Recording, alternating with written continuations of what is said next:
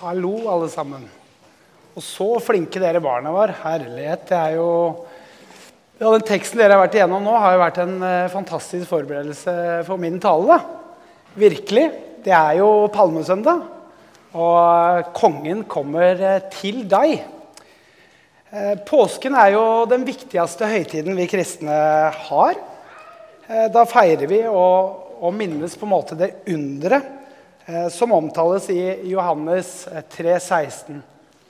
Som det står, og det tror jeg dere kan veldig godt. For så høyt har Gud elsket verden, at han ga sin sønn. Den enbårne, for at hver den som tror på ham, ikke skal gå fortapt, men ha evig liv. Fantastisk. Og der kunne vi egentlig stoppa. Det er en preken i seg selv. For det er det det handler om.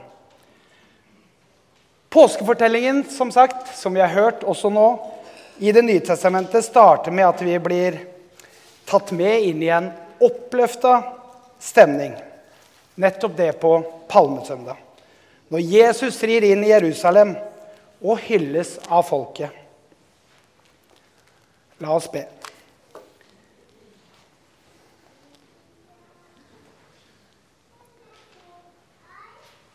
Kjære himmelske Far. Takk for at vi har fått lov til å møtes her i dag. Der vi kan få lov til å møte hverandre. Der vi kan få lov til å kjenne på fellesskapet. Og der vi kan få lov til å bli minna om din kjærlighet til oss. Du ser hver enkelt som sitter her nå, som kanskje sliter med ting som er fortid. Men du sier, 'Kom til meg, alle dere som bærer tunge byrder.' For jeg vil og skal gi dere hvile. Jeg må be om at alle vi som er her, kan fatte dybden av ditt frelsesverk. At det livet som har vært, er forbi. Og det vi er bedt å komme til deg om i tilgivelse, det er forlatt. Og er det ting som dras opp da, så er det ikke fra deg, kjære far. Takk for at du har sagt at det, er ferdig. Jeg ber om at du må vise oss i denne påskehøytiden òg at vi kan få noen nye vinklinger og blikk om ditt frelsesverk i påske. Jeg ber om at det må bli en fin påske for alle sammen. Du ser alle som ikke kunne være her, og noen som er av gårde, kanskje. Du ser hver enkelt. Men for deg handler det ikke om det å være fysisk til stede. Men du berører uansett hvor du hen er i verden. Så ser du oss. Du ser meg akkurat nå. Og jeg ber om at du må gi meg de orda du vil jeg skal fortelle. At det ikke blir minne. Og du ser hvert enkelt barnehjerte og voksenhjerte. Men for deg, Herre, så er vi alle, alle barn av deg. Vær du med i ditt eget navn. Amen.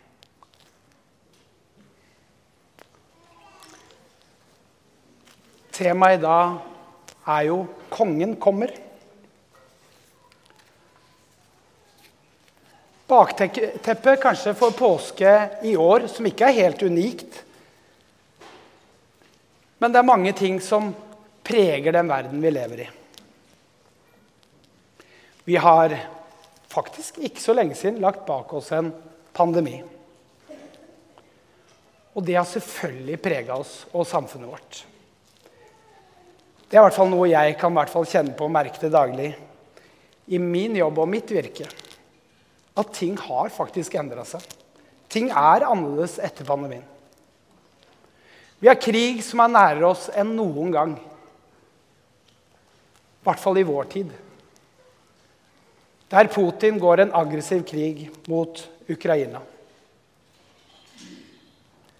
Forferdelig. Vi har også økonomisk uro Inflasjonen stiger, og det skaper usikkerhet. Hvordan skal dette gå? Hva om renta blir 17% igjen? Klarer vi det?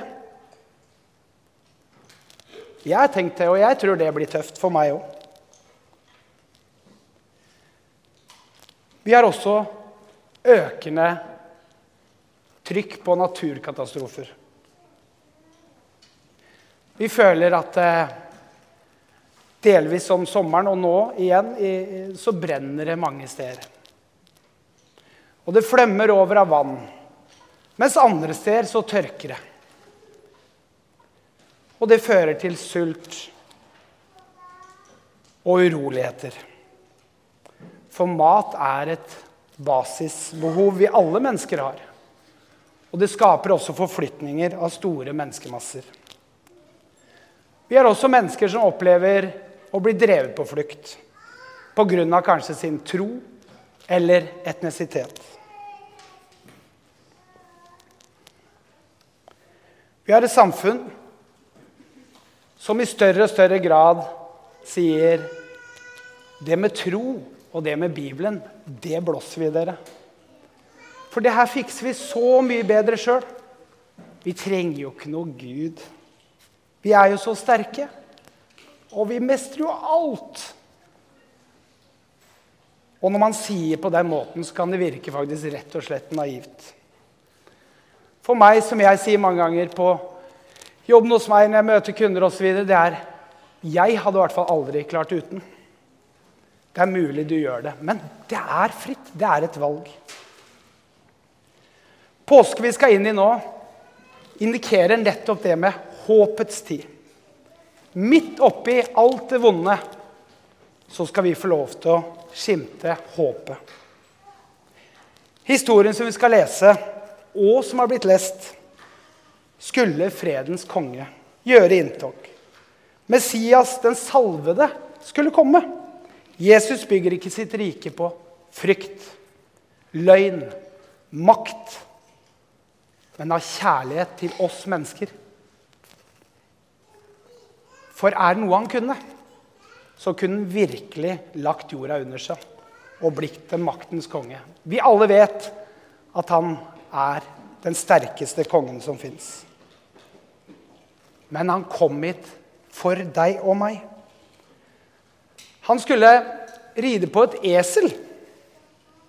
Og jeg tipper kanskje mange av dere som meg vet ikke så mye om et esel. Men skal vi ta litt fakta om et esel? Et esel, på den størrelsen esel er, så er det mye sterkere enn en hest. I samme størrelse, da. Merk deg det for de som er hesteinteresserte. Og så er det sånn at et esel har et veldig sterkt minne. Altså, det kan kjenne igjen deg og meg eller området. Altså helt opp til 25 år etter kan de huske det. I motsetning til, hester blir esel i mye, mye mindre grad skremt. Altså Det er pga. at det har en mye sterkere følelse av nysgjerrighet. De er så nysgjerrige. Og de syns det er litt kult med oss som mennesker og der hvor ting skjer. Men så er det sånn, når du skal trene et esel, hvis du skal trene og oppdra et esel til å gjøre det som vi ønsker at de skal gjøre, så er de veldig opptatt av at ord og handling henger sammen. Hvis du bare sier en ting til den og ikke gjør som, den, som du sier, så gidder den ikke å følge. Da gidder han ikke. Da stoler han ikke på deg og vil ikke følge ordre.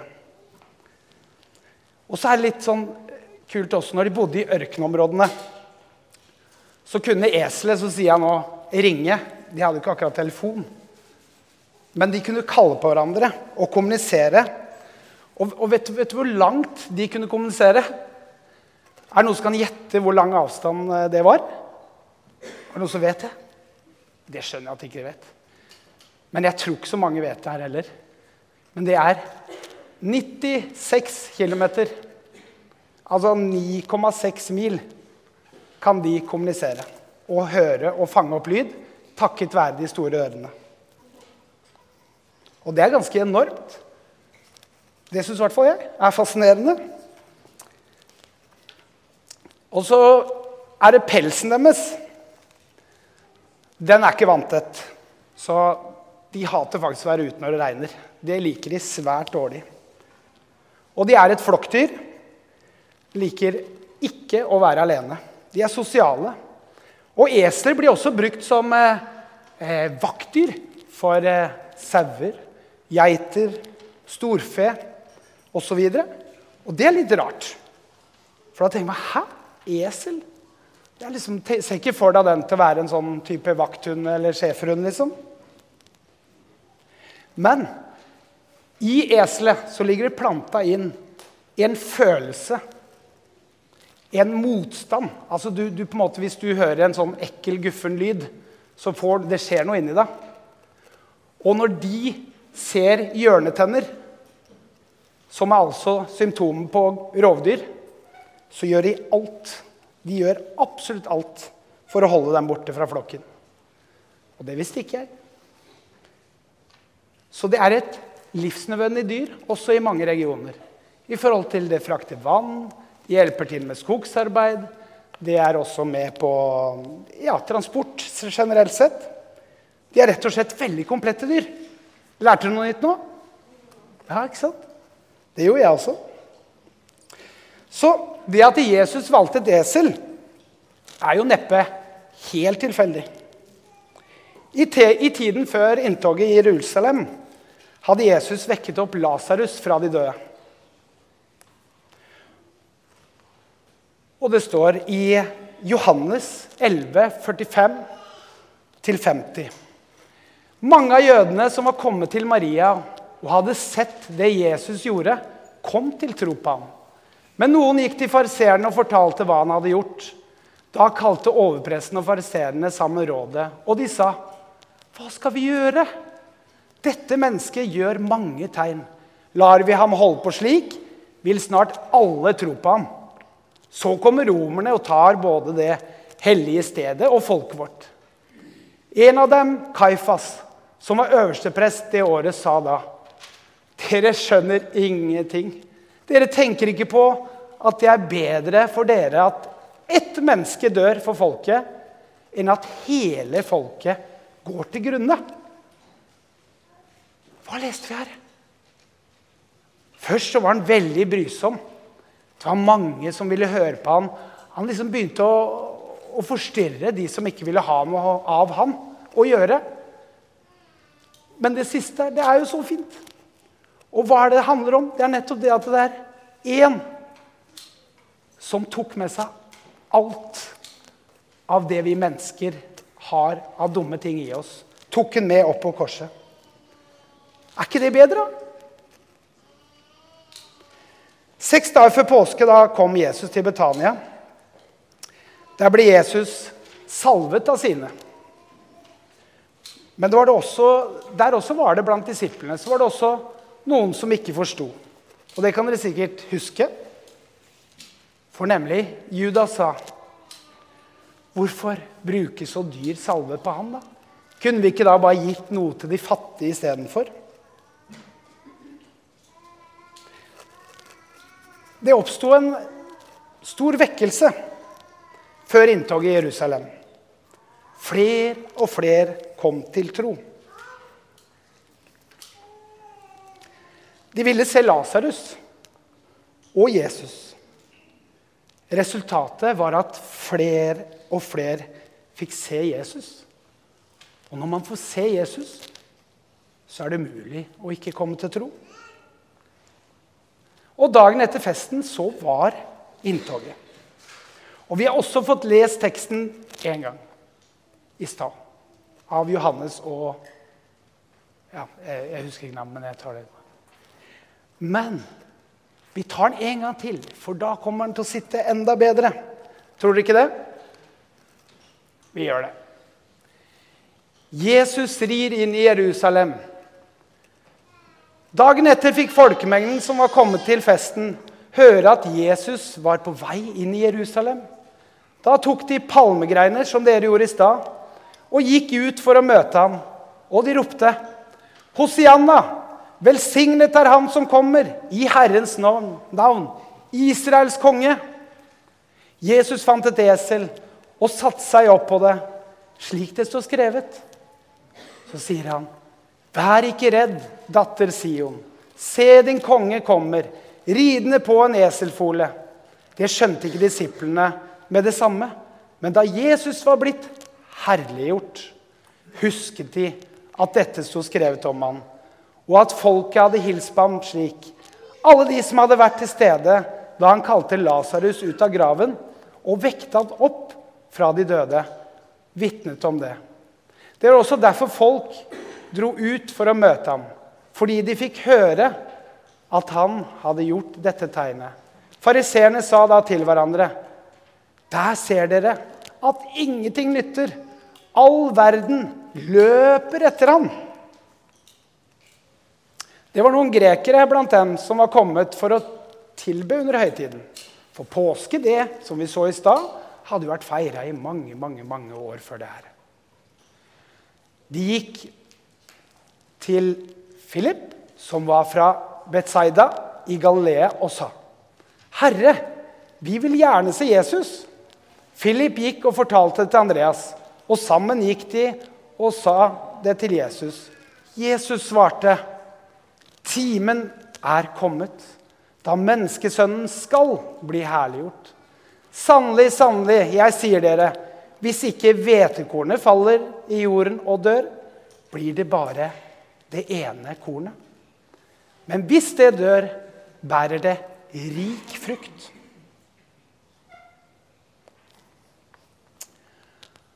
Han kom ridende på et esel, nettopp for å poengtere at han kom ned til oss.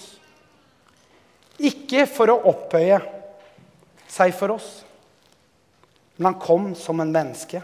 Og han menneskeliggjorde seg med å ride på et esel, som ikke var noe høyt prangende dyr, men et fornuftig og sterkt dyr. Altså. Men han kom hit for deg og for meg. For å betale nettopp vår gjeld. Nettopp det gjeldsbrevet som vi ikke hadde hatt sjans til å få sletta hvis ikke Jesus hadde dødd for deg og meg. Gjeldsbrevet mot oss slettet ham. Det som var skrevet med lovbud, han tok det bort fra oss da han naglet det til korset. Kolossene 2,14. Gjeldsbrevet mot oss. Han sletta det. Han tok det bort. Det er ikke noe bare han sier, men det er sant. Og det er fantastisk.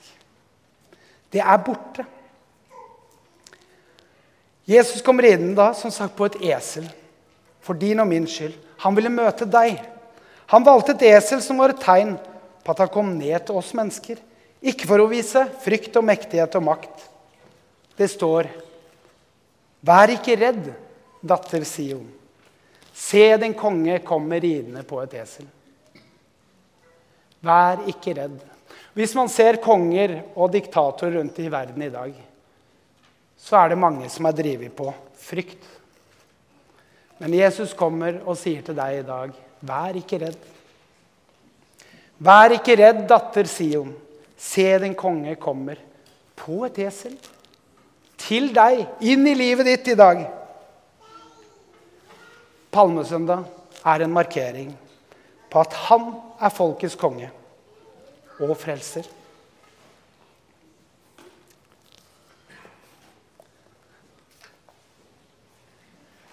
Som vi så i stad, når barna la ned palmegrener. Noe som nettopp det symboliserer det med udødelighet. Palmegrener og korset. Hva betyr det for deg og meg? Blir det en historie som vi hører om og om igjen? Eller er det en historie som får betydning i dag? Midt inn i livet. Hva du enn måtte sitte med, og hva vi enn måtte slite med. Så har han kommet inn i ditt liv, ridende på et esel, inn til oss og gitt oss den muligheten og den billetten. Og den ligger der for alle. Og måtte vi da forstå det fantastiske evangeliet Og at det måtte bli en brann inn i påske. Én ting er for vårt eget liv og våre nærmeste. Men hva med naboene våre?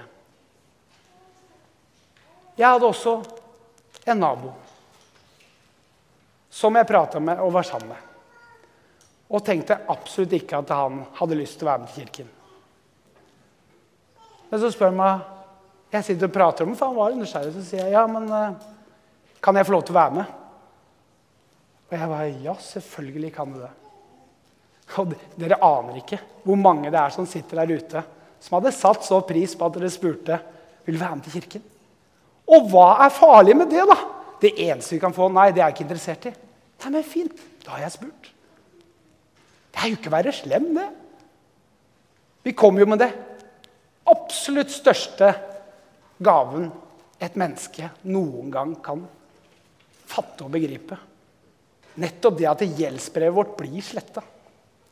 Og hvis vi går inn i livet våre med tanker, ord og gjerninger, så kan dere rekke opp handa, dere som klarer å passere uten hans frelse. Jeg hadde i hvert fall aldri klart det. Men Jesus kommer til deg i dag, på palmesøndag, ridende på et esel, for å si, 'Du er min. Du er min. Kom som du er.' Du må ikke prestere noe eller få til masse for å være god nok. Så lenge du fatter og forstår at 'jeg trenger deg'. Og det er jo en gave å få lagt av den stoltheten. Vet du, Jeg klarer ikke mer. Jeg klarer ikke sjøl. Men jeg kan få lov til å komme til Jesus og si 'jeg trenger det'.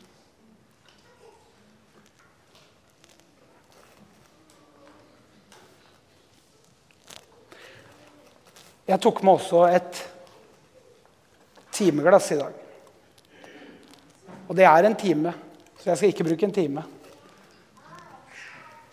Men så er det litt, litt forskjellig med det timeglasset her, hvis dere ser det. Nå er jo Sanda kan jo være ulik nivå. Kan være mer oppe eller mer ned eller motsatt. Så på en måte her har vi en Hvis vi sammenligner det med å være et menneske, da, et liv Så her har vi et forholdsvis nystarta liv. ikke sant? Og det var nettopp det vi sa som Jesus sier 'kom til meg', altså med alle ting, og legg det fra seg.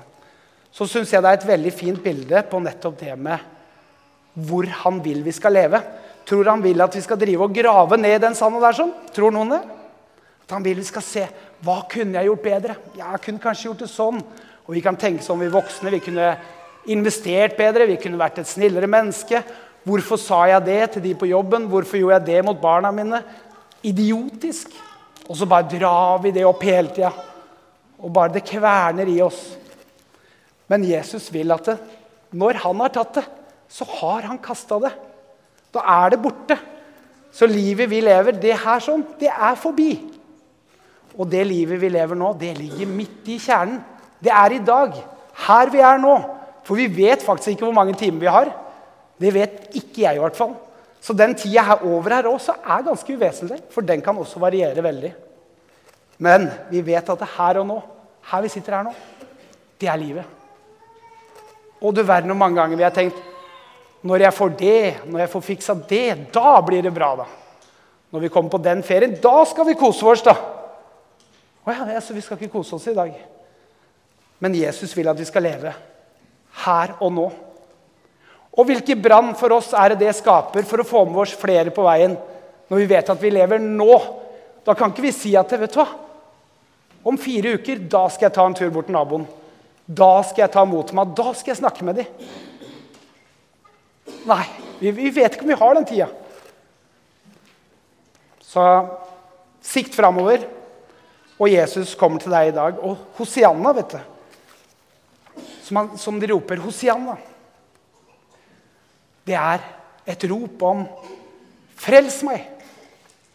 Et fantastisk Hosianna, Hosianna betyr 'frels oss'.